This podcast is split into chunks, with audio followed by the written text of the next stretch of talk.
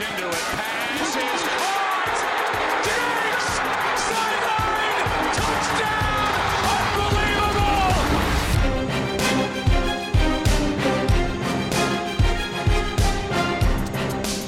Welkom allemaal bij weer een nieuwe aflevering van de Sport Amerika NFL podcast. Het is maandagavond 23 november en als we, dit, eh, als we dit opnemen en ik ben jullie host Tom de Vries. Op afstand van mij zitten deze week Toon Aarts, Lars Leeftink en Juran Ubachs. Welkom heren. Oh, Goedenavond. ik, ben, ik ben even de weg kwijt. Is dit de Fantasy Podcast? Nee, helaas. Oké, Juran, jij, Oh. kan, eh, jij kan weer uitloggen. Ja. nee jongens, ik, eh, ik doe graag mee een keer mee in de echte wereld. Hey, vorige week eh, vroeg ik jullie naar het moment van, eh, jullie moment eigenlijk van, van de zondag. En dat, dat is me eigenlijk wel goed bevallen. Ik, dus ik gooi hem deze week gewoon weer in. Lars, wat was eh, voor jou het moment van gisteravond? Ehm, eigenlijk het, het, ja, de, de drie catches in het duel van eh, de Cowboys tegen de Vikings. Ehm, beginnend met die van, van Lamb. Die was vrij bizar. Ik heb nog steeds eigenlijk geen idee hoe hij zijn lichaam zo weet te draaien dat hij die bal nog weet te vangen. Want het, was, het zag er echt heel bizar uit. Eh, die bal van die, die catch van Thielen, one-handed catch, was ook fantastisch. Eh, maar voor mij was het hoogtepunt eigenlijk de catch van, eh, van linebacker Kendrick. ehm, die ik sowieso erg underrated vind. Ik zie hem natuurlijk als, als Packers-fan zijn heel vaak als, tegen de Vikings spelen. En ik, ik vind die gast die kan echt alles. Het is echt bizar. Die is overal op het veld te vinden. Eh, die, die, die kan pass coverage spelen. Die is goed in de run, goed in de, in de pass rush. Eh, het, het is werkelijk niet te geloven. En dit soort dingen kan hij blijkbaar ook. Dit had ik eigenlijk nog niet van hem gezien. Maar blijkbaar kan hij dit soort eh, passes ook vangen. Ehm, ja, voor mij was dat echt wel het moment van de week dat ik met mijn mond vol eh, open zat en zat te kijken. Volgens mij is hij zelfs leuk op social media. Dus ik heb volgens mij op Instagram is hij best, best leuk. Ook dat Dus nog. zelfs dat kan die. Eh, Jurian, wat, wat, wat was voor jou eh, het moment dat jou het meest is bijgebleven van gisteren? Eh, nou, ik heb, er, ik heb er twee. Mag dat? Eentje gaat, eentje gaat over voetbal en eentje niet. Is, is er weer één keer, één van- keer hierbij en hij pakt meteen, hij pakt meteen. ja, ja, ja. Nee, ehm, het was namelijk op een gegeven moment op een, nou niks zeggende play, op een first down catch van Travis Kelsey. Kelsey rent out of bounds en met die first catch. Wordt daarbij opgevangen door twee gasten met een zwart scherm. En dat zijn barrières. Die, die jongens die lopen mee voor als inderdaad spelers op hoge snelheid het veld afvliegen. Zodat ze niet tegen de tribunes en zo aanknallen. En ze vangen dus Kelsey op, nou keurig. En dan loopt Kelsey weg en dan zie je die twee gasten elkaar aankijken. En die Ja. geven elkaar een box zo van... Hé, hey, Ja. stond op de goede plek, lekker gewerkt, goeiedag. Ja, dat vond ik, een, vond ik echt een schitterend shot. Ik, kan me dat ook zo goed voorstellen. Twee van die toch wel flinke gasten, een beetje dikker. Die dan, ook, die dan, die dan hè, die hebben hun taak gedaan. Vind ik mooi. Maar als het over voetbal moet gaan, dan is het voor mij de catch. En de, daarna, eh, eh, eh, ehm, ja, ja, goed. Wat er daarna gebeurde, moet de, moet de verdediging van de Ravens maar uitleggen. Maar de catch van AJ Brown en, en de score Zo, die daaruit komt. wat uiteindelijk de opmaat vormt naar overtime natuurlijk. Lamar Jackson die zei in een interview later, eh the other guys wanted it more. Dus eigenlijk gaf hij gewoon de defense de schuld dat ze gewoon niet hard genoeg battleden. En ja, die play was daar een beetje de illustratie van. Hè? De, de, de- volgens mij zijn er wel vijf eh, spelers geweest die een tackle hebben geprobeerd te maken. Niet één lukte het. En AJ Brown eh, kon scoren. Lastig te tikkelen, die gast, volgens mij. Ik denk dat dat op zich wel meevalt. Maar nou ja, ja goed, het zijn NFL, het zijn allemaal beesten. Maar eh, ik, heb, ik heb wel eens gezien dat AJ Brown getackeld is namelijk. Dus je, zou, je zou denken dat vijf spelers in een toch wel hoog aangeschreven defensie als de Ravens in staat zouden moeten zijn om AJ Brown niet even uit de endzone te houden. Maar helaas. Ja, nee, hij ging zelfs niet naar de grond. Eh, af en toe als je een tackle bre- breekt, dan is dat zo met één hand op de grond of, of blijf je toch nog overeind. Maar hier, hij bleef gewoon die bal in zijn twee handen en ja, hij buffelde gewoon rustig verder. Eh, ja, impressive. Nou, maar ik, ik denk, je kan goed zien dat hij een teammaat is van, eh, van Derrick Henry natuurlijk. Die, die gewoon tegen hem, die gewoon Ja. tegen hem gezegd heeft van, je moet gewoon doorlopen. Dat is, dat is- zo simpel is het, gewoon doorlopen. Oké. Nou, Het een beetje denken aan George, Kittle eh, vorig jaar in in de playoffs. Een van die laatste plays. Waar ja, hij die ook had gewoon, inderdaad ook zo'n rumble. Hij bedacht gewoon, ja, whatever happens, ik ga niet naar de grond. Je, je kunt doen wat Ja, jullie of- willen, maar het gaat gewoon niet gebeuren. Of dare I say de earthquake run van eh Marshawn Lynch in, eh, in, in New Orleans, was dat geloof ik? Die is, Ja. die is ook wel eh, redelijk legendarisch, door, dwars door het hele team heen ongeveer. Ja, ja. Ja. Nee, goed moment inderdaad. Ik, ik vond het ook een, eh, een, een, een van de momenten van, eh, van, van gisteravond. Toon, wat was er voor jou een moment wat er eh, bovenuit eh, sprong? Ja, bovenuitsprong is misschien eh, een verkeerde woordkeuze. Mijn moment komt uit eh, de topgame ehm, van de late afternoon games, de Chargers tegen de Jets. Ik ben er heel zeker van dat al onze luisteraars die wedstrijd integraal hebben bekeken. Maar op een gegeven moment in het derde kwart, ehm, dicht bij de eindzone van de Jets, rent Herbert. Maar hij verliest eigenlijk yards in die ren. En hij, ja, hij glijdt naar voren. En hij geeft zichzelf op, zeg maar, uh, in de play. Dus de play is dood. En terwijl hij recht komt, zo'n vijf seconden later, komt daar ineens uh, Nathan Shepard aan. en die beukt hem terug tegen de grond. Hij krijgt uiteraard uh, unnecessary roughness tegen. Half the distance to the goal. Chargers scoren een touchdown. En dat is voor mij... Ja, symboliseert dat een beetje de state of mind van de Jets. Die, die, Zou hij de regels niet die, kennen? Die willen gewoon niet winnen. Het kan, het kan natuurlijk zijn dat het licht even uitgaat bij Shepard, dat kan altijd, maar het is voor mij een symboolplay van een Jets-team dat helemaal niet meer geïnteresseerd is uh, om, om zelfs maar één wedstrijd te winnen. Nee, zij moeten een stapje voor de Jaguars blijven, die trouwens ook zeer goed bezig zijn in de Lawrence uh, sweepstakes. Maar ze moeten een stapje voor de, de Jaguars blijven en daar is maar één mogelijkheid. Uh, alle resterende wedstrijden verliezen en zo'n play helpt daar heel aardig bij. Um, ja, geheel in lijn met, jullie. Dan heb ik ook voor uh, twee verschillende momenten gekozen. En die eigenlijk samengevoegd. Dus uh, Patrick Mahomes, jullie hadden wel bekend. Kreeg met minder dan twee minuten te spelen de bal terug. En uh, ja, natuurlijk volgde daar een game-winning drive uit. Lamar Jackson, eigenlijk precies hetzelfde geval. Ook net iets minder dan twee minuten kreeg, kreeg hij ook de bal om ja, hetzelfde kunstje ook ehm, te klaren. Maar hij slaagde er net niet in. Het scheelde heel weinig, maar, maar, toch typeert het volgens mij net een beetje het verschil tussen die twee. Hè. Beide zijn van ontzettend hoog niveau. Uh, maar als het dan echt om gaat, dan is Mahomes voor mij toch echt nog steeds een, uh, een betere quarterback dan, dan, dan Lamar Jackson. En het gaat uiteindelijk om die, om details wie de, wie de wedstrijd wint. En ja, goed, Mahomes klaarde het klusje toch weer, toch weer gewoon. En um, volgens mij is hij gewoon weer terug in de running om, om ook dit jaar weer MVP-titel op, op te gaan pikken. Ja, nou, Mahomes zit natuurlijk, als het gaat om fourth quarter winning drives uh, in, de, in de categorie waar, nou, waar Brady dan misschien nu net even niet in zit, maar waar Brady 20 jaar ingezeten heeft. Uh, dat je gewoon wist dat als New England nog de bal terugkrijgt met meer dan 40 seconden op de klok, dan gaan ze nog scoren. En die, nou, die zekerheid heb ik nooit in de NFL, maar dat vertrouwen heb je nu ook bij de Chiefs. Ja. ja ik zou zelf misschien nog een Aaron Rodgers of, of Russell Wilson dan meer vertrouwen dan Lamar Jackson. Ja, Nee, nee, maar Lamar Jackson zeker niet. Dat, bedoel ik juist. Je hebt zeg maar, Brady is, is daar 20 jaar. Uh, maar Rodgers noem je terecht, Wilson, hè, die hebben er allemaal een handje van. Gewoon de, de, de grootste, de beste quarterbacks in de league. Die kunnen dat. Die kunnen een game-winning drive neerzetten. En dan keer op keer op keer op keer. Uh, coming through in the clutch, zoals dat zo mooi heet in het Amerikaans. En Mahomes heeft dat zeker ook. En Lamar Jackson, ja, toch een heel stuk minder. En misschien om even door te gaan, door te pakken meteen met die wedstrijd uh, toon. De, eigenlijk misschien wel de wedstrijd van het weekend uh, gisteren. De, Titans op bezoek bij de Ravens. Wat was er precies aan de hand met de, met de spelers van de Titans die op het logo van de Ravens gingen staan? Ja, het, het, leek wel op een soort uh, hakka dat ze bij Nieuw-Zeeland in het rugby doen. Waar ze toch zo even gaan posen, even gaan uh, ja, zichzelf voorstellen zeg maar, aan de tegenstander. Ze gingen echt ostentatief langs de zijlijn van de Ravens staan om te zeggen: Kom maar op, jongens. En dan, dan zie je Harbaugh daar als eerste uitkomen. Dat was ook wel mooi. Stonden Harbaugh en uh, Vrabel neus aan neus. Dit typeert wel een beetje de staat waar beide teams in zitten. Want voor beide teams was het echt wel een, een soort must-win game. Uh, de Ravens trending downwards, zeker. Uh, na vorige week, na, na na dat verlies. En, de Titans hadden ook net verloren van de Colts, hadden net de eerste plaats uh, kwijtgespeeld in de AFC South, dus die moesten ook winnen. Um, en je zag dat wel, het was, uh, pas op, het was eigenlijk best wel een goede wedstrijd, het was een zeer aangename wedstrijd om te volgen.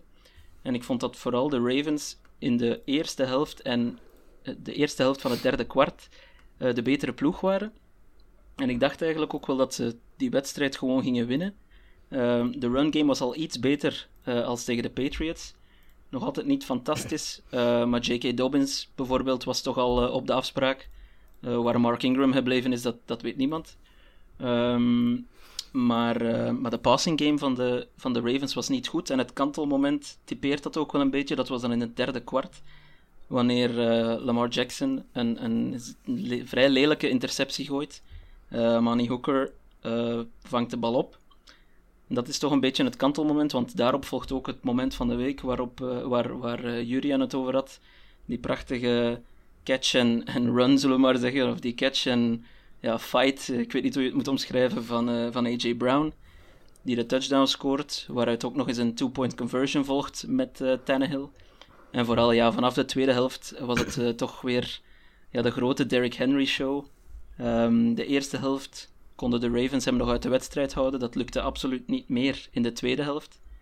Krijgen we toch nog uh, overtime, toch nog een vrij goede drive van de Ravens helemaal op het eind. Justin Tucker automatisch. Trouwens ook wel een shout-out naar die andere kikker die uh, niet even automatisch is dit seizoen. Gostkowski, die was toch 3 uit 3 vandaag, gisteren, sorry. Um, maar goed, overtime. De Ravens krijgen als eerste de bal. Meestal in overtime is dat een, een redelijk goed teken. Zeker als het, het, team is dat net gelijk gemaakt heeft. Als zij dan ook eens de bal krijgen, dan heb je toch dat momentum. Dat lukt dan natuurlijk niet. Ja, we kennen natuurlijk, uh, Julian en ik weten natuurlijk waar, wat, welk, welke wedstrijd in mijn hoofd zit uh, daarvoor.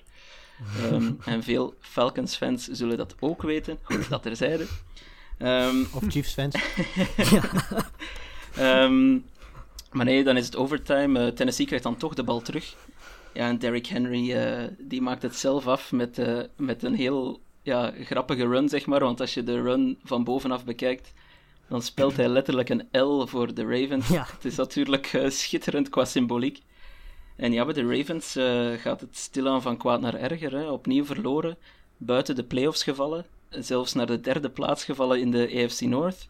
De Browns, en nu tegen de Steelers. De Browns zijn erover gegaan. Ja, ze moeten nu donderdag op Thanksgiving tegen de Steelers. Het enige geluk zeg maar, dat ze hebben is dat er na die wedstrijd tegen de Steelers dat er wel een makkelijk schema volgt. Dan hebben ze, als ik me niet vergis, de Cowboys, uh, de Jaguars. Waar staat de rest van het schema? Uh, even Browns kijken. Ja, nog. Cowboys, Browns, Jaguars, Giants en, en uh, Bengals. Die natuurlijk nu ook niets meer waard zijn. Dus, dus de, ja, de Ravens, zelfs als ze maar drie van die wedstrijden winnen, zijn ze nog 9 en 7. En dat is misschien nog steeds genoeg om in de playoffs te sneaken. Um, Alhoewel dat we met een... Dat ja, wordt krap hoor, denk ik. Ja. 9 7. Want de Browns staan momenteel al 7 en 3. Dus die hoeven, als, die, de, Ja, als die er ook drie winnen, dan, Ja. hebben ze, dan, hè, dan zijn ze die al kwijt. Klopt, klopt, klopt. En de En Raiders zie ik eigenlijk ook nog wel eh, de 10 halen. Ja, op dit moment de Raiders eh, staan als achtste in de playoffs, zeg maar, met de tiebreaker. Volgens eh, difficulty of schedule, denk ik, eh, staan ze voor de, de Ravens. Dus ja, de Ravens, misschien donderdag is nog niet echt must-win, maar voor, ja, voor het momentum te keren en voor, eh, voor de gemoederen te bedaren. En toch, ja, als je kijkt naar de Ravens, dat, ja, dat was toch het team dat eh, Mahomes en de Chiefs moest uitdagen. Ja, dat moet wel eindelijk gaan gebeuren, anders eh, zou het echt wel eens een seizoen in, in diepe mineur kunnen worden voor de Ravens. Nou, ik denk dat de Ravens met betrekking tot de Browns eh, wel een wat makkelijker schema hebben. Als je kijkt naar wat de Browns nog eh, op programma hebben staan met de Titans, de Ravens dus. eh, de Steelers moeten ze nog tegen. Nou, de Giants, dat zijn zeker, is geen, zeker geen walkover. Dus je hebt alleen de Jaguars en de Jets, ja weet je, die moet je dan normaal gesproken gewoon winnen. Maar in principe hebben hun gewoon vier hele lastige wedstrijden nog op programma aan, staan. Dus wat dat betreft hebben de Ravens wel een voordeel. Maar op dit moment, op de manier waarop ze nu aan het spelen zijn... eh, ja, is er geen enkele wedstrijd waarmee je in, in vertrouwen van kunt zeggen van nou, die gaan ze echt overtuigend winnen. En dat is op dit moment denk ik iets wat we misschien van de Ravens hadden verwacht. Ze hebben geen stappen vooruit gemaakt ten opzichte van vorig jaar. Maar eigenlijk gewoon stappen achteruit gezet. Maar Lars, als jij zegt de Jets, de Jaguars en de Giants, dan hoor ik drie overwinningen voor de Browns. En als de, dan denk ik eigenlijk dat die onderlinge wedstrijd tussen de Browns en Ravens nog wel eens heel interessant kan Ja. gaan worden. Cruciale. Ja, nee, die gaat beslissend zijn inderdaad. Klopt. Nee, en wat betreft de Ravens zelf, ehm, ja, kijk, het is natuurlijk makkelijk om te roepen hè, als, als Patriot support. Want iedereen weet dat als je team niet echt meedoet voor de, voor de voor playoffs of prijzen, dan hoop je een spoiler te kunnen zijn voor een ander team. Hè. Dat is altijd even lekker. ik heb toch het idee dat, dat, dat die nederlaag tegen, tegen New England toch redelijk hard aangekomen is. Ook omdat, ja, ze zal in Baltimore toch ook wel gedacht zijn dat dit, Baltimore tegen New England, normaal gesproken altijd spannende wedstrijden. Ehm, met meestal dan New England als, als, als winnaar, maar daar zal dit jaar toch anders naar gekeken zijn, ook in Baltimore. En ik denk dat er eh, daar niet per se rekening gehouden is met überhaupt een spannende wedstrijd. Of in ieder geval wel spannend, elke NFL-wedstrijd is spannend, maar wel gewoon enigszins comfortabel kunnen winnen. Ja, als je hem dan verliest, dan... Ik denk dat het wel hard aankomt. Maar en nog los daarvan, als je ook ziet hoe Harbaugh reageert eh, op dat moment voor de wedstrijd met die spelers. Maar ook na de wedstrijd als Vrabel hem hè, de, de, de, de, de customary handshake wil gaan, eh, gaan geven. Dan zegt Harbaugh van nou eh, vriend, weet je wat jij kan doen? Je kan de bus pakken en de groeten. Eh, en ook eh, Jackson die in, in, in interviews open, openlijk Ja. zegt van ja, de andere guys wanted it more. We didn't battle hard enough. Die, Ja. eh, eh, goed, dan heb je het dus gewoon over de jongens in de trenches die, die, die, en de tackles die niet goed genoeg zijn. Het, eh, het, het, het is allemaal Het net niet helemaal lekker, hè? Het klopt, dat het klopt is dus net even te openlijk. Het, sto het stormt in, eh, in Baltimore. En ik Ja. zie dat niet, niet 1, 2, 3 goed komen eh, komende week. Ja, Nou, Ook ze omdat- zitten in, in ieder geval niet in de categorie teams waar ze in willen zitten. Want eigenlijk hadden we denk ik met z'n allen wel Precies. verwacht dat ze in de categorie Steelers Chiefs zouden Mhm. zitten. En ze zitten nu in de categorie met de Raiders, met de Browns, met de Titans en, en zelfs de Dolphins. Ja, weet je, dat is natuurlijk iets als je dat vergelijkt met hoe ze vorig seizoen aan het spelen waren. Is dat natuurlijk niet iets wat je per se verwacht had. Ook als je ziet wat de Ravens allemaal toegevoegd hebben in, in, in, in off-season. Ja. Zijn ze er op papier eigenlijk beter op geworden. Maar ja, in de praktijk blijkt dat toch iets anders te werken. Moet je wel zo eerlijk zijn en zeggen dat zij natuurlijk ook echt wel veel blessures Ja, hebben. eh, belangrijke mensen in beide lines. Ja. Eh, dus dat is wel een excuus om, te, om, om, aan te voeren eh, en te verklaren dat je niet meer in die Chiefs, eh, in die Chiefs categorie valt. Maar niet een excuus, eh, zeg maar flat out, zo van, oh jongens, we, hebben, we missen acht belangrijke mensen, we're out of here. Want dat geldt Ja. bijna voor elk team momenteel, volgens mij. Ja, en ook het feit dat je zo'n center eh, bencht, eh, terwijl je eigenlijk al veel mensen ook in je, in je O-line mist. Dat is er ook alweer, ook weer zo'n zo'n klein dingetje, wa- wa- waardoor je inderdaad zoiets hebt van, de- er klopt iets niet helemaal daar in, in die locker room. Eh, Ja, en er was toch ook een, een guard of een tackle, was van de ene naar de andere, guard, de andere kant. Ik weet even niet precies wie, maar er is behoorlijk gehusteld met die lijn. Ehm, ja, ja, je ziet het ook dat de running game. Ja, ze waren tot, tot de wedstrijd tegen de Patriots waren ze nog de number one eh, rushing offense. Wat, wat gevoelsmatig een verrassing was voor mij. Maar toch, ze stonden daar. Maar de laatste twee games is de running game eh, houdt niet echt over. Ja, tegen de Patriots was Ja. het echt dramatisch. Nu, nu ging het al ietsje beter, maar ja, die passing game eh, die was gisteren op Mark Andrews na. Dat was wel een lichtpunt. Die heeft een paar, vooral, ja, zijn touchdown was heel mooi, maar hij heeft nog een andere heel mooie catch gemaakt. Had bijna 100, 100 eh, yards. Maar op eh, Mark Andrews na was het in de passing game eh, ook helemaal niets. wij kregen trouwens in de Fantasy podcast vorige week de vraag of iemand Marquise Brown nog zou opstellen. En toen hadden we het er al over van, toen hadden we het er al over van, waar is die jongen? Nou, ik heb hem gezien. Hij liet echt wide open. En, nou, ik wil niet zeggen makkelijk, want die ballen worden natuurlijk gewoon even hoog en hij moest er even voor springen. Maar kom op, als jij een NFL wide receiver bent en je, en je durft dingen als soldiers te tweeten, dan zijn dat toch ballen die je toch in je handen mag houden hoor. Meneer Hollywood Brown. Absoluut. Zou, zou nu eh, Lars een brugje kunnen maken naar een wide receiver van, van de Packers, maar... ik, Ja, van mij mag je maken hoor. Ik, ik wilde eigenlijk anders beginnen eh, over, over die wedstrijd. Want eh, ik, ik wil toch even een shout-out naar de naam Rodrigo Blankenship. Ik vind dat zo'n schitterende naam. en zijn bril. En zijn bril. En zijn ja. En zijn Eh, en zijn leeftijd van 14 jaar. Ja, ja, ja. Maar Lars, voor, jou natuurlijk wel echt extra zuur. Zure avond voor de, voor de Packers. Die op bezoek gingen bij de Colts. Eh, leek eigenlijk lange tijd heel weinig aan de hand voor de, voor de Packers. Ging, ging eh, lang vrij goed, maar het, ging uiteindelijk toch mis. Hè? En uiteindelijk was het meneer Blankenship die de Colts naar de overwinning schoot. Ja, het was, eh, de eerste helft was uitstekend. Eh, wat mij een beetje opviel was dat de, weet je, die offense was gewoon goed. Eh, misschien wel iets beter dan ik verwacht had tegen zo'n goede Colts defense. Maar eigenlijk was die offense net zo goed als de voorgaande weken. Ik had verwacht dat de Colts misschien verdedigend iets beter zouden zijn. Ehm, maar ja, wat de Packers in de eerste helft verdedigend gezien deden, verbaasde mij wel. Ze waren heel goed tegen de run. Um, maar er was juist weer gatenkaas in, in de secondary. Je zag je ook bij die eerste touchdown van Pittman. Ik weet niet wat daar gebeurde, maar daar stond Kirksey in één keer op Pittman. Dat is volgens mij niet helemaal de bedoeling.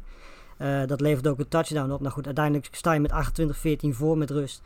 Um, is er eigenlijk niks aan de hand. Um, dan heb je ook niet per se het idee dat de Colts dan de, de offensive firepower hebben om, om mee te kunnen uh, en om terug te komen. Maar uh, ja, het derde kwart was dramatisch. Uh, aan het einde van het derde kwart staat in één keer 28-25. Uh, aanval doet niks meer.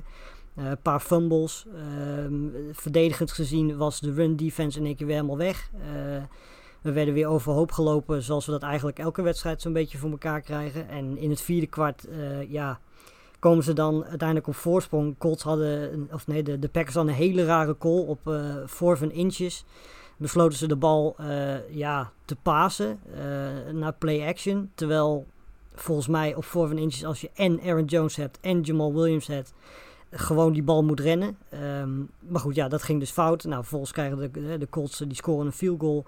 En dan krijg je aan het einde krijg je nog de wedstrijd om uh, op gelijke hoogte of op voorsprong te komen. En dan wordt Aaron Rodgers toch weer wakker. Uh, bizarre bal vanuit zijn eigen endzone naar Valdes Scantling. Die door uh, drie verdedigers gedekt werd en alsnog die bal weet te vangen. Um, ja, ik kon heel eerlijk gezegd om half twee s'nachts mijn ogen ook niet geloven. Um, maar het gebeurde echt. En um, nou, toen volgens had ik eigenlijk ook het idee dat Rodgers gewoon een touchdown ging scoren. En dat we die wedstrijd alsnog gingen winnen. Dat gebeurde dan niet, maar die field goal was in ieder geval raak. Toen wonnen vervolgens ook nog de TOS. Um, nou, iedereen happy. En vervolgens de tweede play uh, met second en, nou was second en 2, second en 3 of zo. Uh, besluiten we ten eerste besluit uh, de Packers de bal te pasen. wat op zich al heel bijzonder is. en het tweede wat bijzonder is, dat ze een soort van ja, korte bal naar links gooien. En degene die de bal dan moet vangen, dat is dan degene die eigenlijk het minst is in het vallen en vangen van ballen. Dat is Marcus Valdes Scantling. Terwijl je Adams hebt lopen, Aaron Jones hebt lopen, Jamal Williams hebt lopen, die dat veel beter kunnen. Uh, maar ze gooien de bal naar Scantling, die fumbled de bal uh, in de buurt van de 30 van, van, van de Packers. En vervolgens scoorde Colts uh, de field goal. Um, dus ja, weet je, in mijn ogen twee calls, of twee play calls die, die de wedstrijd gekost hebben voor de Packers. En ja, uiteindelijk ook de verdediging weer, die gewoon, uh, ja, gewoon eigenlijk niet goed genoeg is om, om op het moment dat wordt eens een keer, zoals in de tweede helft, iets minder is, uh, ja, alsnog die overwinning uit het vuur te slepen. Ja, ik heb uh, die het... wedstrijd ook bekeken. Um, wat, wat mij vooral opviel, de Colts hun derde kwart vond ik uh, supergoed. Uh, verdedigend vooral. Ja. Ik denk dat ze de Packers drie keer op rij three and out hebben geforceerd. Of twee keer toch ja. op zijn minst. Um, offensief, zoals je zegt, Lars, ja, ze hebben niet dezelfde vuurkracht, dat zie je wel. Het was ook via field goals dat ze een beetje aan het wegknibbelen waren aan de voorsprong. Maar dan, um, ja. eigenlijk waren het ook de Colts die naar mijn gevoel de beste kans op een overwinning hadden in hun laatste drive in, de vierde, in het vierde kwart. En wat daar allemaal gebeurt. Ja. Uh, ik denk dat ze ja. vijf holding penalties tegengekregen hebben in één drive. Uh, om, dan om dan eerst uh, door penalties van de Packers in field goal range te komen, dan twee of drie holdings op een rij uit field goal range. Goed, ja, toch Rodgers die kans nog geven. En dan voor fourth down gaan. Ja, ja, precies. Um, en dat, ja, dat de Colts dat de Colts dan toch nog winnen, dat is, ja, dat is zo bizar. Um, ik, ik, begreep het niet goed dat de Colts toch nog konden winnen, maar ja, blijkbaar hadden ze nog net, net dat ene foutje minder dan, uh, dan de Packers. En, en naar mijn gevoel, als je heel de wedstrijd bekijkt, waren de Packers misschien wel het betere team, maar ja goed, daar koop je natuurlijk niks mee. Nee, wat ik gewoon nog steeds niet snap is dat je in overtime met, met uh, second en drie, dat je dan vervolgens besluit zo'n bal naar uh, ja, Scantling te gooien, die al het hele seizoen heeft laten zien dat die ballen laat vallen. Um, je hebt dan een Adams, je hebt een Jones, je hebt een Williams die dat gewoon veel beter kunnen, die veel zekerder zijn daarin. Um, en dan kies je op zo'n play valt de Scantling uit. Weet je, als je dan gaat pasen, weet je, volgens mij hadden ze veel beter kunnen rennen. Maar goed, als je dan gaat pasen, weet je, ja, is Val de Scantling dan de juiste keuze? Nou goed, dat achteraf natuurlijk allemaal makkelijk praten. Maar uh, ja, weet je, dat, dat samen met die voor van inches zijn wel twee momenten geweest van ik denk van ja, weet je, als, als die call beter was geweest, ik denk dat de Packers dan alsnog hadden kunnen winnen. Maar goed, weet je, Packers hebben deze wedstrijd gewoon weggegeven in de tweede helft. Ja. Want ja, weet je, als je 14 punten voor staat tegen de Colts, dan, dan moet je dat eigenlijk gewoon, gewoon afmaken. En ja, in de tweede helft waren de Colts verdedigend gewoon heel goed en hebben de Packers uh, fouten gemaakt. Colts hadden trouwens 116 uh, penalties, penalty yards in totaal. Dus dat zegt 116 dat penalties. Dat, maar, dat even goed ja. 116 ja, penalties kunnen zijn. Ja. maar wat ik niet begrijp, hè, je hebt zo'n grote voorsprong in de tweede helft. Nou, dan weet je allemaal van, oké, okay, dan wil je de bal op de grond houden, je wil de klok laten lopen, et cetera. En als ik dan zie dat Jones over de hele wedstrijd 10 carries heeft, Jamal Williams 5 en Aaron Rodgers zelf 3. Dus 18 carries voor de hele wedstrijd. Als ja. ik dat zo zie en ik weet de uitslag niet, dan denk ik, oh, gamescript, ze zullen wel achter hebben gestaan, daarom veel gooien. Ja. Uh, dan zou ik het snappen. Maar ja. dit is, en het is eigenlijk illustratief dat ze dan uiteindelijk de wedstrijd verliezen op een play waar ze gaan gooien, terwijl ze misschien voor een rush hadden moeten gaan. Ja. Volgens mij is dat, dat een beetje de, de, de hele, ja, de, dat hele, hoe zeg je dat? Die hele aanpak klopt volgens mij niet op dat moment. Nee, maar dat komt ook deels omdat de Colts gewoon die run wegnamen. En weet je, natuurlijk, het mag duidelijk zijn, je moet gewoon met zo'n voorsprong moet je gewoon gaan rennen. Als je die voorsprong eenmaal hebt. Je hebt hem eenmaal 14 punten. Je weet dat die Colts offense niet zo explosief is. Dan moet je inderdaad gewoon rennen. Uh, zoveel mogelijk tijd van die klok afhalen. En je weet ook dat als ze inderdaad gewoon dichterbij komen, heb je altijd Rodgers nog, die, uh, dat heeft hij ook laten zien al vaak, uh, je nog kan helpen aan een gelijkspel van een zegen. En ja, dat hebben ze in die tweede helft gewoon te weinig gedaan. Uh, deels kwam dat ook. Hè. Ik bedoel, ze hadden drie fumbles in deze wedstrijd. Dat helpt natuurlijk ook niet met het vertrouwen om die run game alsnog gewoon veel meer nee. te gebruiken. Ja, um, maar ja, weet je, als je, als je inderdaad die, die, die attempts kijkt, weet je, ja, sowieso Aaron Jones de laatste twee wedstrijden wordt veel minder gebruikt sinds hij terug is.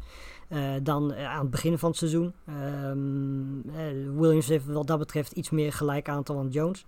Maar hij wordt, Jones wordt natuurlijk veel meer in de passing game gebruikt nu. Um, maar inderdaad, weet je, hadden, de Packers hebben gewoon die zegen weggegeven. Dat is jammer, maar ja, weet je. Eigenlijk zijn de Colts het tweede team geweest na de Buccaneers die de Packers offense echt heeft weten tegen te houden. Ja, maar niet alleen dat ze zeg maar nu dan verliezen, maar deze zou ook nog wel eens heel pijnlijk kunnen worden in de verdere ja. uh, verloop naar nou ja, de, de, de number one Zeker. seed die je wil hebben voor een bye. Want de nummer twee ja. levert dit jaar natuurlijk geen bye op. Ja, en het ligt allemaal zo bizar dicht bij elkaar in de NFC. Dat het, ja, weet je, dit soort wedstrijden, als je die gewoon kunt winnen, moet je dat absoluut doen. En zeker als je 14 punten voor staat. Het is een duur, hè? Ik nog heel veel terugkomen ja. trouwens op uh, van breaking news over de Ravens. Uh, hadden het net al over. En nu is net uh, bekend geworden dat zowel Mark Ingram als J.K. Dobbins positief zijn getest op COVID-19. Uh, dus die zijn, ze spelen donderdag al tegen de Steelers. Die, die zijn er zeker niet bij donderdag. Dus dat is een volgende tegenvaller voor de ploeg uit Baltimore, die het al, die het al zo zwaar heeft. dus dat, dat kan nog wel eens een lastige gaan worden. Um, Julian, in, Las Vegas, een schitterend stadion waar weer geen, niemand in, in het stadion zat helaas, kwamen de Chiefs op bezoek bij, bij de Raiders. Uh, pikant duel. Ja. De, de, de, Raiders zijn eigenlijk het enige team dat de Chiefs nu toe een nederlaag uh, wist uh, toe te dienen. Het scheelde niet zo heel veel, hè? Of het was weer gebeurd. Zeker. Het, het was vooraf natuurlijk ja, veel om te doen. de Raiders wonnen natuurlijk niet alleen in KC, maar vonden het daarna nodig om een rondje te rijden om het stadion in ja. hun teambus. ja, als ware het Achilles die met Hector een rondje om Troje heen reed. Ja. Uh, dus ja, dan... Ik snap dat nooit zo heel goed. Ik bedoel, waarom zou je een team waarvan je weet dat ze eigenlijk stiekem beter zijn dan jij... waarom zou je ze boos maken? Maar goed. Nee, uh, er, was, er was Kansas City veel aan gelegen om te winnen. En ja, dan moet je eigenlijk vooral de Raiders denk ik credit geven dat ze... Ondanks dat er toch een flinke drive merkbaar was bij de Chiefs... dat ze toch... Um, meekomen. En meer dan dat, uh, op verschillende momenten dacht ik dat de Raiders uh, een goede kans hadden om hem te gaan winnen. Ze stonden voor bij, uh, bij halftime, 17-14. En het was een beetje een kijken, het was een beetje kijken naar, naar, naar twee zwaargewicht boxers die de ene naar de andere heenmaker met elkaar uitwisselden. Ja. En niemand wilde neergaan. En ja, goed, de, de timing pakte uit in het voordeel van, van Kansas City. Uh, Mahomes die de bal krijgt met toch, ik geloof, twee minuten te gaan. En inderdaad de winnende touchdown maakt. Nou, toen, toen, was er nog wel iets van tijd voor, uh, voor de Raiders. Maar alleen maar een heel Mary pass die uiteindelijk in een interception uh, eindigt.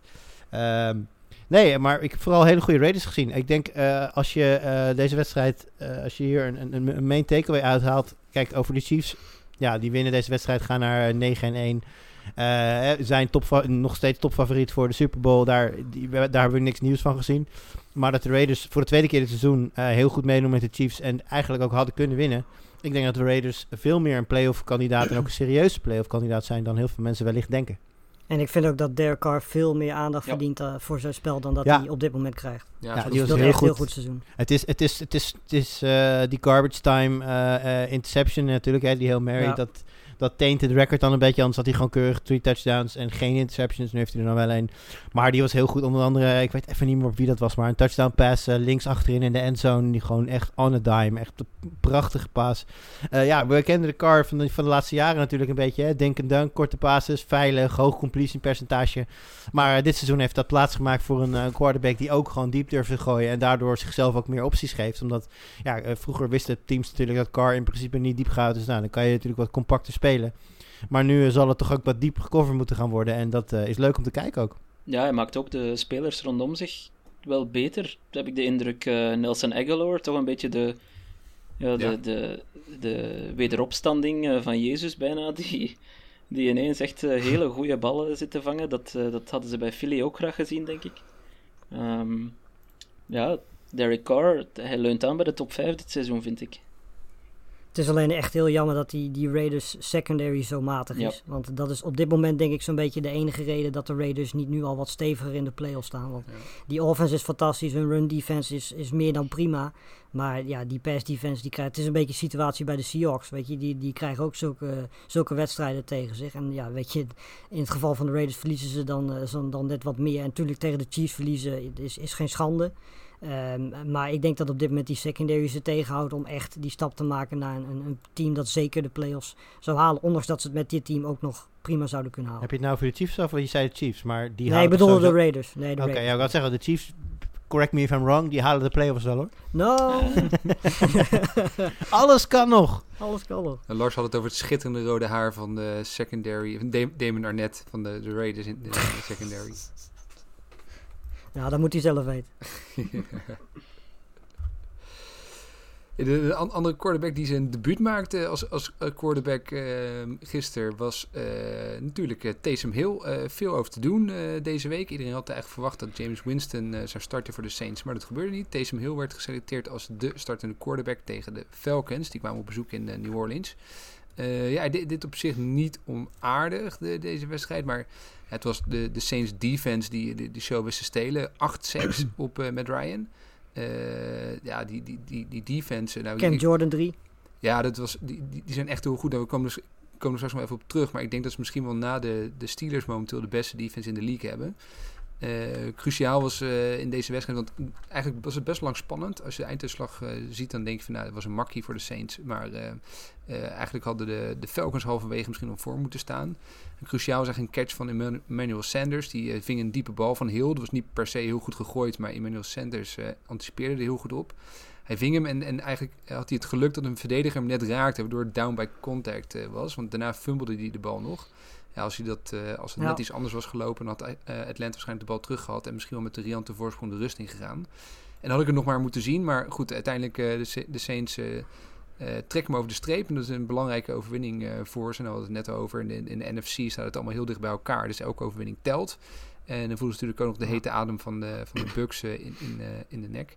Ik was zelfs ja, niet, niet echt kapot van, eh van Taysom Hill. De tweede helft was het wel iets beter dan de eerste helft. Maar, eh, en, en hij leek wel een goede connectie te hebben met Michael Thomas, die echt weer terug was. Maar ik moet ook zeggen, dat hij best wel vaak eh, geluk dat hij niet een aantal keer onderschept eh, werd.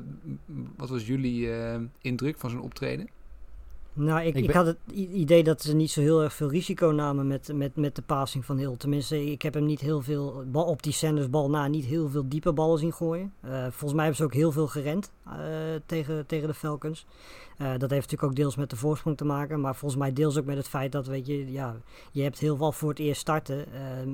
Ze willen volgens mij, dat is ook de reden denk ik dat Thomas zo'n goede wedstrijd en zo'n goede connectie met hem had.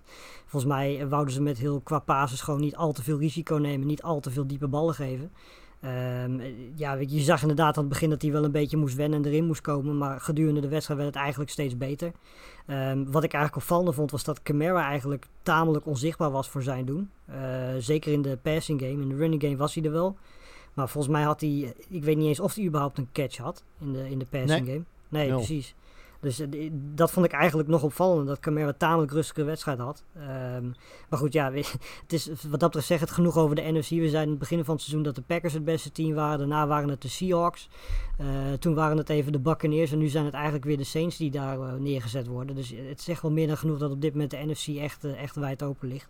En dit soort zegens zijn dan echt wel belangrijk. Maar ik, ik ben het totaal niet met jullie eens dat Taysom Hill niet indrukwekkend was. Ik, ik, ehm, eh, ik- we hadden het hier over, dan weet ik, met de Fantasy, met de Fantasy podcast natuurlijk. Even voorbeschouwen op zijn start dan. En toen zei ik nog, Taysom Hill heeft in zijn carrière in vier jaar tijd 18 passes gegooid. In totaal. En volgens mij 10 completions. En hij gaat nu eh 18, of eh, Ja. zeg maar 23 attempts, 18 completions, 233 yards. Geen, oké, geen, geen touchdowns, maar ook geen interceptions. En hij voegde zelf met 10 carries 51 yards en 2 touchdowns aan toe. Ik vind dat damn impressive voor een, voor een quarterback waar van tevoren heel weinig quarterback play van verwacht werd. Eh, ik, ik dacht eigenlijk van ze gaan hem een hele soort trick plays laten doen. En dan gaan we misschien wel James Winston nog zien. Ja. Ehm, ik vond deze heel, heel overtuigend. En ik denk ook dat het heel slecht nieuws is voor James Winston wat dat betreft. Ehm, vooral omdat, ja, weet je, als je tegen de Saints speelt, dan, dan verwacht je een bepaalde eh, aanpak. eh, die natuurlijk veel over Camara en, en Thomas loopt. Erg, erg pass heavy natuurlijk met, met Drew Brees. En nu ineens voeg je een heel nieuw wapen toe met een speler op die, die vanuit quarterback-positie eh, gevaarlijk is met zijn met, met benen. Dat duidelijk heeft laten zien. Het is een, het is een wat andere uh, type runner dan een Kyler Murray of een, of Lamar Jackson. Maar iets, iets, iets minder snel, maar iets meer powerful, denk ik. Uh, je zag dat, dat Atlanta daar af en toe zich echt geen raad mee wist. En nou, dat, dat eindigt in mijn ogen in een vrij simpele overwinning. Ik ben wel met eens dat de Falcons kansen hebben laten liggen, zeker. Maar de Saints zijn nooit echt in de problemen geweest. En de Falcons zijn goed in kansen laten liggen. absoluut, absoluut. En heel, heel, heel veel goed gekeken naar Drew Brees. De, want zijn diepe bal was er eigenlijk ook niet. Er weinig diepe basis gegeven. En hij had het probeerde één of twee en die mislukte wel uh, falikant. Maar inderdaad, uh, short, uh, intermediate passing was, was vrij oké. Okay. En dan inderdaad, ten opzichte van Drew Brees heeft hij natuurlijk wel zijn, zijn running play wat, uh, waar, je dan, waar je dan meer mee kunt. Uh, maar je hebt natuurlijk ook nog een soort van eye-test, uh, die niet per se de, door statistieken onderbouwd kunnen worden. En daarin vond ik het dan toch, dat ik dacht van, vond ik het allemaal niet super overtuigend. Maar goed, uh, je, de kop is eraf voor hem. En hij kan de komende weken denk ik wel gaan laten zien wat hij waard is. Want volgens mij heeft Breeze meer ribben die stuk zijn dan, dan heel zijn op dit moment. Nee, nee, nee, dat is niet waar. Je hebt namelijk in totaal 24 ribben in je lijf en hij heeft er 11 gebroken. Dus valt, hartst, valt hartstikke mee. Bijna een 500 record. Um, maar ik vond wel, ja, je kan eigenlijk toch veel parallellen trekken met, uh, met Bridgewater vorig jaar, nee? Die, um, die moest ook depaneren voor de Saints en die heeft ook betere benen dan Breeze. Ja, wie, wie heeft geen betere benen dan Breeze? Ja. Bra Brady. Brady. Brady. heeft geen betere benen dan Breeze. en Rivers ook niet, denk ik. Um, maar, maar heel, ja, heel bleef vooral foutloos. Hè, en dat is ik denk dat wij allemaal een beetje uitkeken naar James Winston, die de bal zou slingeren en risico's nemen en waar we allemaal ja, weer mee zouden kunnen lachen of waar onze mond van zou openvallen, whatever. En dan is het een beetje jammer dat er een soort van ja, saaie quarterback in de plaats komt en die wint voor de Saints. En de Saints zijn gewoon een uitstekend team en, en gaan opnieuw eerste of tweede worden in de NFC en dat is, dat is jammer. Nou, ik vind, ik vind het vooral positief om te zien dat die, dat die defense uh, eindelijk is op het niveau speelt waar we ze eigenlijk van verwacht ja. hadden. Want eigenlijk voor hun bye was hun defense gewoon echt niet goed. Um, maar ja, eigenlijk sinds ze die bye gehad hebben, zeg maar vanaf het duel tegen de Panthers, uh, ja, staat die defense gewoon als een huis. Met als hoogtepunt natuurlijk die wedstrijd tegen de Buccaneers, waar ze gewoon uh, die offense van Tom Brady gewoon helemaal plat sloegen. Dus ja, weet je, wat dat betreft, de, offense is er altijd al geweest en die defense die is er nu ook. Uh, dus het, zijn nu eigenlijk een beetje de Saints die we verwacht hadden, minus Drew Brees. Ja. Hey, dan uh, was natuurlijk uh, goed en minder goed nieuws uh, voor, de, voor de rookie quarterbacks uh, in, uh, in de NFL. nou, we weten het allemaal inmiddels. Joe Burrow ging er met een verschrikkelijk blessure vanaf gisteren. Inmiddels is bekend geworden dat hij zijn voorste kruisband gescheurd heeft en de binnenkant, binnenband van zijn knie heeft, heeft afgescheurd. met, met de comment erbij dat dat nog niet eens het enige is. Dat er nog meer struct structural damage is. Nou goed, dat, dat klinkt allemaal ja, heel erg slecht. En ik weet niet of, of, uh, of iemand de beelden gezien heeft. Ik heb het zelf niet eens durven uh, te bekijken. Maar dat, dat, Helaas wel. Yep. Het schijnt uh, niet, voor, niet, niet prettig te zijn geweest voor de ogen. Um, ja, wat, wat, wat, wat, hoe lang gaat het duren, denken jullie, voordat hij überhaupt terug is? Hebben we het dan over nou ja. maanden of hebben we het over jaren? Ik, ik las een, hoe heet dat, ongeveer een uur geleden las ik een tweet dat Carson Wentz had ongeveer dezelfde blessure een paar jaar geleden. En die raakte geblesseerd op 10 december. En die miste vervolgens de eerste twee wedstrijden van dat seizoen daarna. Dus met een beetje geluk zou hij uh, begin van het nieuwe seizoen kunnen halen. Omdat hij dus uh, wat dat betreft een maanspeling heeft met Wentz toen. Maar ja, als ik heel eerlijk ben, ik zou in dit geval absoluut geen risico nemen met hem. Want ten eerste is hij jouw face of the franchise, dat mag duidelijk zijn. Ten tweede heb je op dit moment een O-line. Als hij daar nu weer achter gaat staan, is de kans groot dat hij over drie, vier wedstrijden weer geblesseerd is. Um, dus weet je, ja, ik hoop eigenlijk dat ze de komende offseason gewoon even flink gaan investeren in die offensive line. Want als ze nou echt nog bewijs nodig hebben dat een offensive line heel belangrijk is, uh, ja, dan weet ik het ook niet meer. Die moeten echt eerst komen voordat ik eigenlijk het liefst Joe Burrow weer op veld zie. Maar op papier zou hij volgend seizoen uh, bij de eerste game kunnen halen. Uh, maar ik denk dat ze, dat, dat, dat ze het rustig aan gaan doen, dat risico niet gaan nemen en toch die, die offensive line eerst uh, echt moeten gaan oplossen voordat ze Burrow weer op het veld willen zetten. Ja, preseason games uh, zal hij alleszins niet spelen, denk ik. Nee. Eh, zal hij geen minuut van spelen, zeker niet. Als die er überhaupt komen. Ja, ja, dat ook al, ja. Ehm, maar het is wat we in het begin van het seizoen ook al zeiden. Ja, die man moet 50, 60 keer pasen op een wedstrijd. Terwijl je wel Bernard en Mixon hebt. Eh, nu ja, niet allebei elke wedstrijd, maar goed. Ehm, ja, je moet, je, je, moet je, je grootste asset moet je gewoon veel beter beschermen. En dat hebben de Bengals nagelaten te doen. En eh, ja, ze dragen er nu de gevolgen van. En ze gaan, ja, al een geluk bij een ongeluk, bijna gaan ze nu nog een slechte draftpick hebben, vermoedelijk. Of wel een heel goede draftpick, een slechte positie. Ehm, En gaan ze hun team nog verder kunnen versterken. Maar ja, alle aandacht, ik ben het volledig eens met, ehm, eh, met Lars. Alle aandacht moet naar de O-line gaan. Dat is echt duidelijk. Ja, als ze in de draft geen offensive lineman draften, dan, dan weet ik het ook niet meer. En dan eh, de, zijn, eh, de, de, de tweede naam die ehm, gekozen werd in de draft was natuurlijk die van Tua Tango Vailoa. En eh, die werd weer op de bank gezet eh, eh, bij de Dolphins. eh, en, Ja. Fitzpatrick werd weer het veld ingestuurd eh, in de slotfase. Wat was daar aan de hand? Hij is slecht. ja, nee, maar ik bedoel, dat, is, dat heeft volgens mij Flores ook na de wedstrijd gezegd. Er was even sprake van dat hij wellicht eh, wat last had van een blessure. Nou ja, dat soort dingen spelen ook mee. Maar eh, daar hebben ook al veel eh, NFL-spelers gezegd dat er niet één NFL-speler is die halverwege niet kleine blessures heeft. Iedereen is licht geblesseerd, dus hij ook. Maar Flores zei na, na de wedstrijd van nee, nee, dat heeft niks mee te maken. Hij is gebenched omdat hij niet goed genoeg was. En, en dus, weer- dus kwam Ryan Fitzpa- Fitzpatrick er weer in. Maar aankomende week gaan we gewoon weer naar, Tung- naar het Tungafailoa kijken. Is ook alweer bekend. Dus Maar Ik- was er, weet je, ik weet niet, ik heb, ik heb die wedstrijd deels gezien, maar was er een reden om Tua zo in één keer te benchen? Als ik zo naar die stats kijk, weet je, het, het is allemaal niet indrukwekkend, maar ik zie daar ook geen hele grote fouten tussen zitten of zo. Dat ik denk van ja, nu moet hij toch echt wel eventjes op bankje gezet worden. Ja, er kwam Ja, gewoon hij- niks hij- meer uit. Hij, hij begon best wel goed in die wedstrijd. De eerste drive was voor mij een touchdown. Eh, maar daarna de, de, lukte gewoon helemaal niks meer. Dus op een gegeven moment kan je natuurlijk ook gewoon als, als coachingteam, als je een, een goede backup hebt, kan je natuurlijk ook gewoon een keer iets proberen. Het is volgens mij hetzelfde als je bij Ja. voetbal eh, Luc de Jong er nog ingooit voor een, eh, om in de laatste minuut nog eh, een soort van breekijzer. Ik denk dat ze dat ook hier gedacht hadden. Van nou, laat, laten we gewoon nog iets proberen. Want het is ook, ja, ook voor de Dolphins, ook een overwinning is cruciaal in, de- in de, in de playoff eh, strijd. Dus ik denk dat dat erachter zat. Ja, wat, ik, wat ik niet begrijp, hè.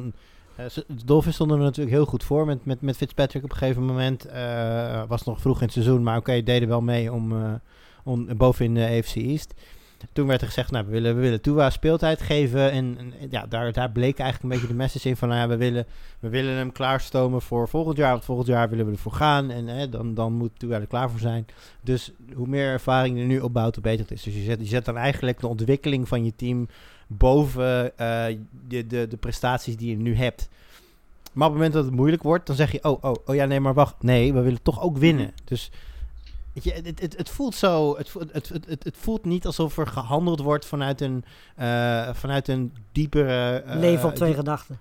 Ja, van- vanuit een diepere strategie, vanuit een bepaald beleid, vanuit een bepaald eh langetermijn visie, zeg maar. Het, is, het, is- het voelt een beetje van eh, net, net hoe de wind waait. De ene dag vinden we het eigenlijk wel belangrijk dat die jongen speelt, maar de andere dag willen we toch eigenlijk liever gewoon winnen. Is- ja, ik, ik, ik begrijp het niet zo goed. Nee, en eh, wat, wat ga je doen als hij... ehm, want nu speelt hij eh, ja, verre van lights out, zeg maar. Hè. Hij, hij kreeg...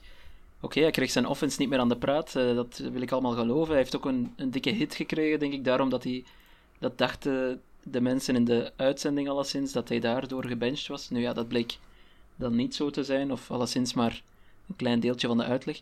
Maar wat ga je doen als eh Tua tegen... Tegen wie moet hij nog? Tegen de Bills bijvoorbeeld. Als het er echt om draait... Hij gooit twee intercepties of hij fumbled. eh, ga je hem er dan opnieuw uitnemen als het er echt om draait?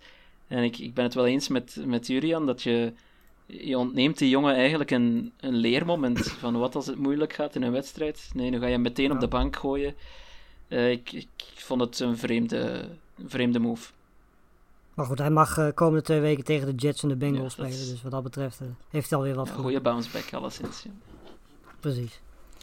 En Tony, jouw grote held, eh, kreeg, had, was even naar, had, even kap, Zonder haar. had even een kapje gepakt deze week. Ik denk dat er veel, eh, veel wa- was natuurlijk veel over te doen.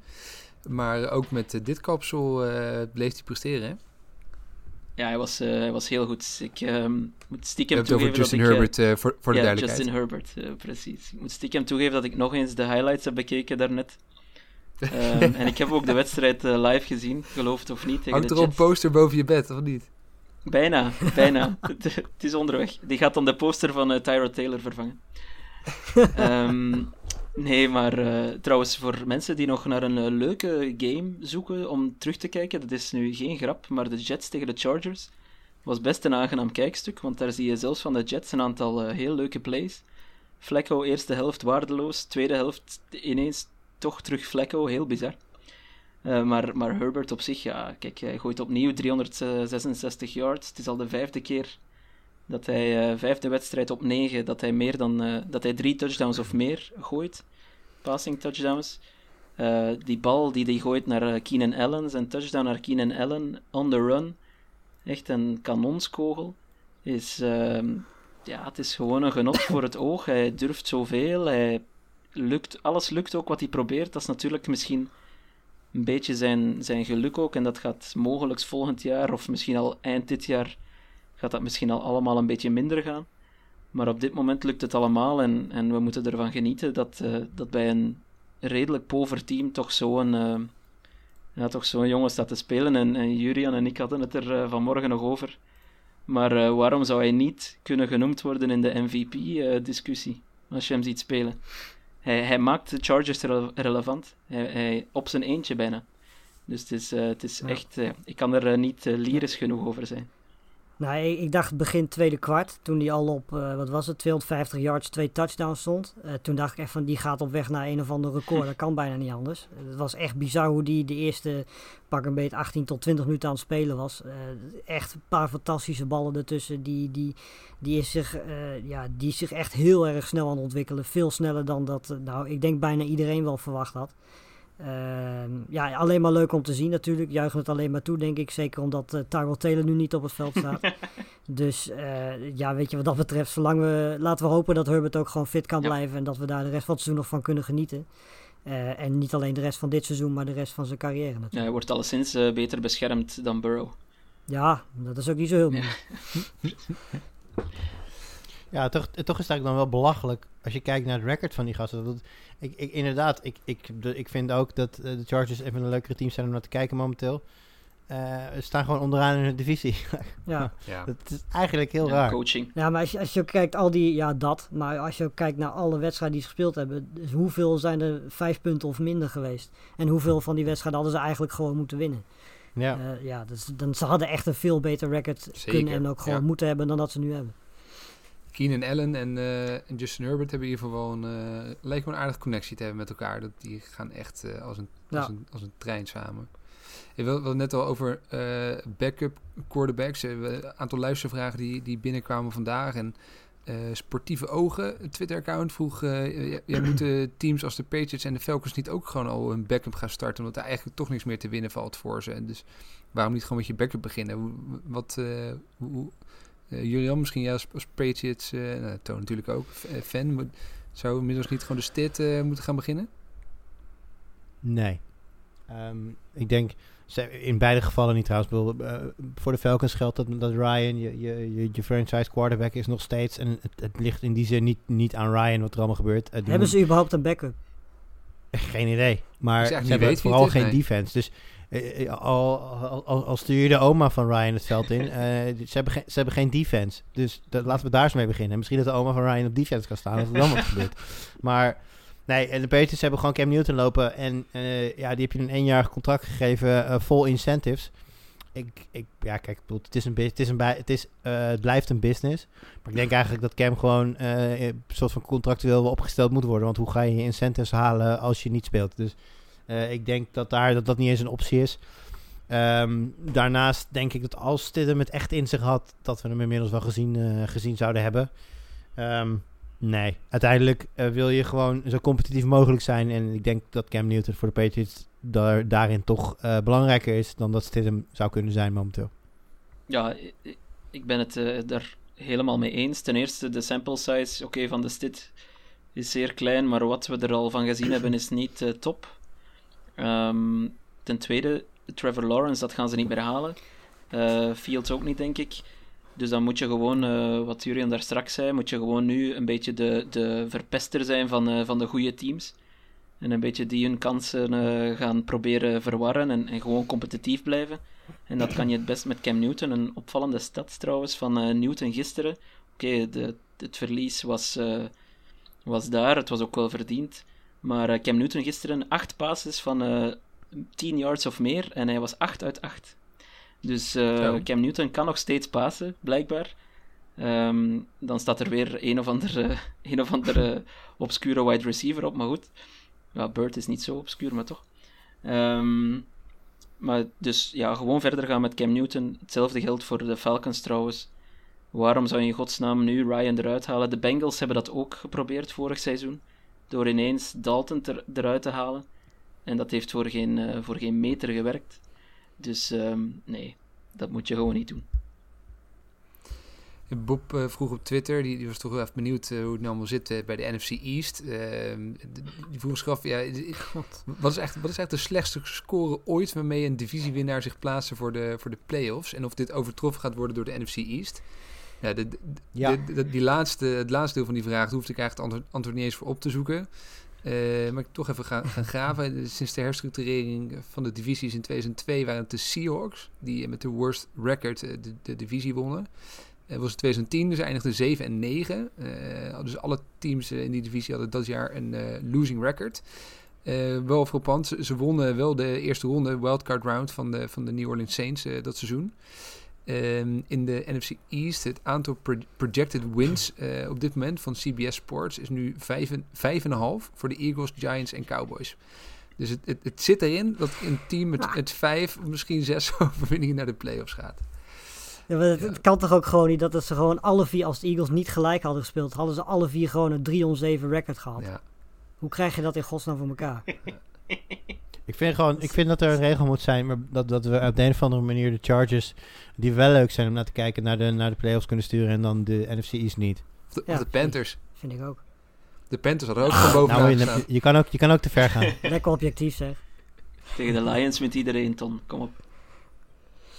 Nee, de, de, de, de Lions, dat is denk ik het slechtste staaltje offense wat ik uh, nou, nou, misschien oprecht wel ooit heb gezien in de wedstrijd. Dat was echt uh, niet uh, om aan te gluren. Ja, ja, kijk, jij kijkt niet heel vaak naar de AFC East, toch wel? nou, dit, dit was echt van een, van een zeer twijfelachtig niveau. Ja, en, vanavond, de, offense, de, de offense van de Jets gisteren is echt geen joke. Was, was, was leuk. Was leuk om naar te kijken. Denzel Mims, uh, Perriman, dat zijn, dat zijn leuke gasten. Die, ja, die kunnen nog wel wat. Maar Stafford was er ook gewoon niet fit. Ja. Nee, die duim, dat, dat was echt iets mis. Stafford, Sta Stafford was niet fit. Ze missen Galladay, ze missen Swift. Ik bedoel, er is, het, het, ik, wat ik bij de Ravens zei, uh, de, de, blessures mogen nooit een, een, een, excuus zijn om, om, om totaal gewoon dan maar uit te checken. Zeker niet nul punten halen. Maar het is wel een, een verzachtende factor voor een Detroit team dat ja, toch wel erg afhankelijk is uh, van die gasten. Vorige week natuurlijk de, de breakthrough grade van, uh, van, uh, van Swift gezien. Ja, als je dan, als je dan ineens al je wapens mist, dan is dat natuurlijk wel even, even moeilijk. Ja. We hebben het trouwens net over rookie quarterbacks gehad, maar moeten we het niet nog even over Jake Luton hebben? ja, die was ik alweer vergeten.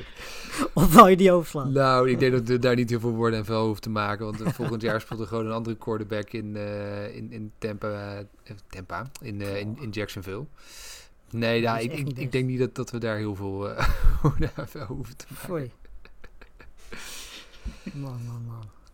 Hey, de, Monday Night Football nog vanavond. Ja, ik dacht misschien toch wel leuk om die nog heel veel kort uh, te previewen. Of in ieder geval even jullie picks uh, te horen. Ik ben eigenlijk best wel benieuwd. Het is wel echt een leuke wedstrijd. Uh, de Rams op bezoek in Tampa Bay. Spannend wel. Ook cruciaal voor beide teams om in de race te blijven in, in hun divisies.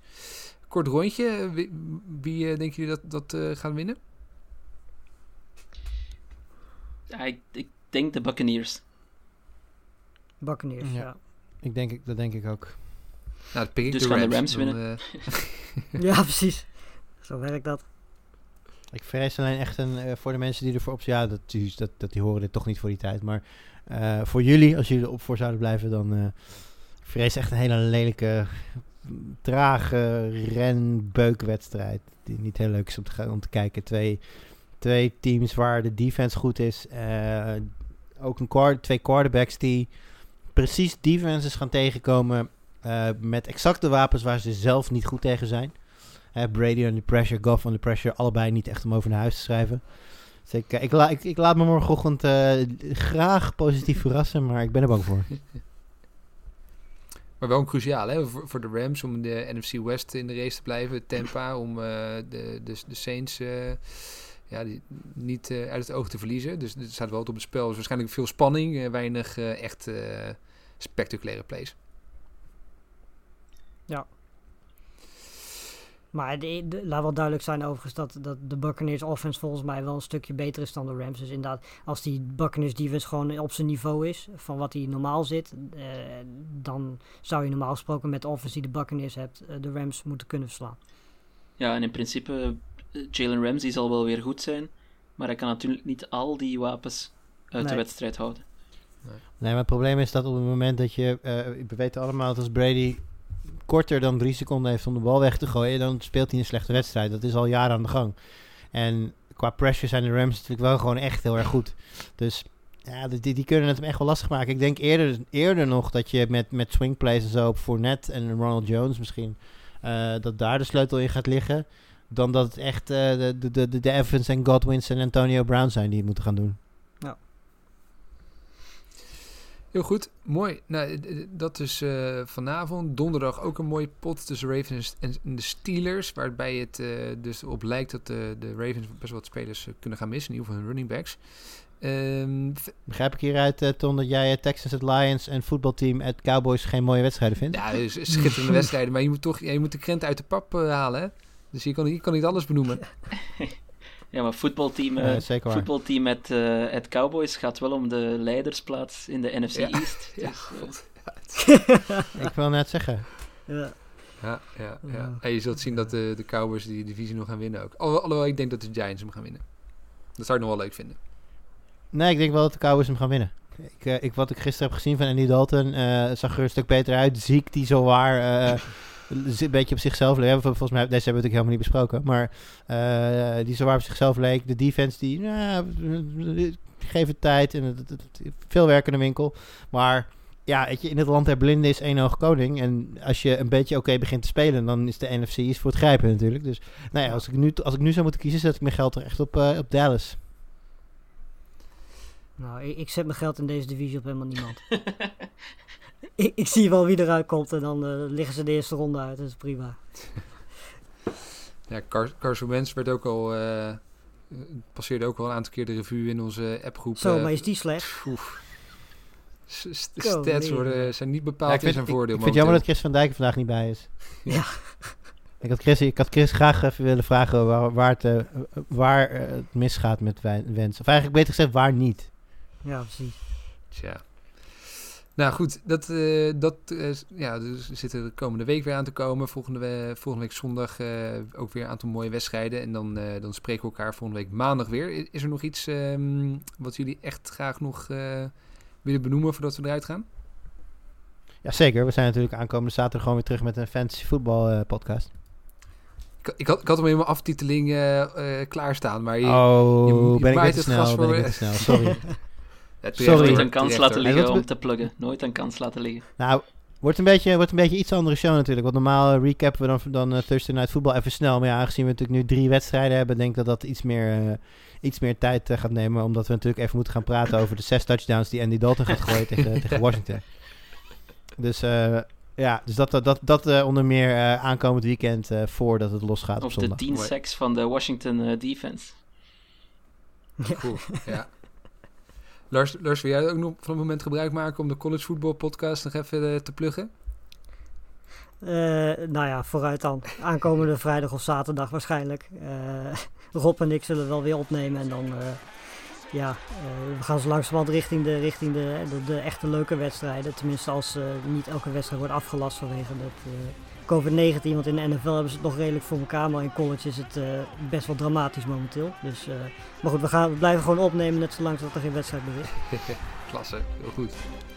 Mooi, nou dat, dat was hem dan weer eh, voor deze week. Bedankt voor het luisteren. En heren, het was mij weer een waar genoegen. Eh, we zijn er volgende week weer. Yes. En dan spreken we elkaar weer. Jullie bedankt en eh, tot ziens. Yes. Bye. Joep, ciao.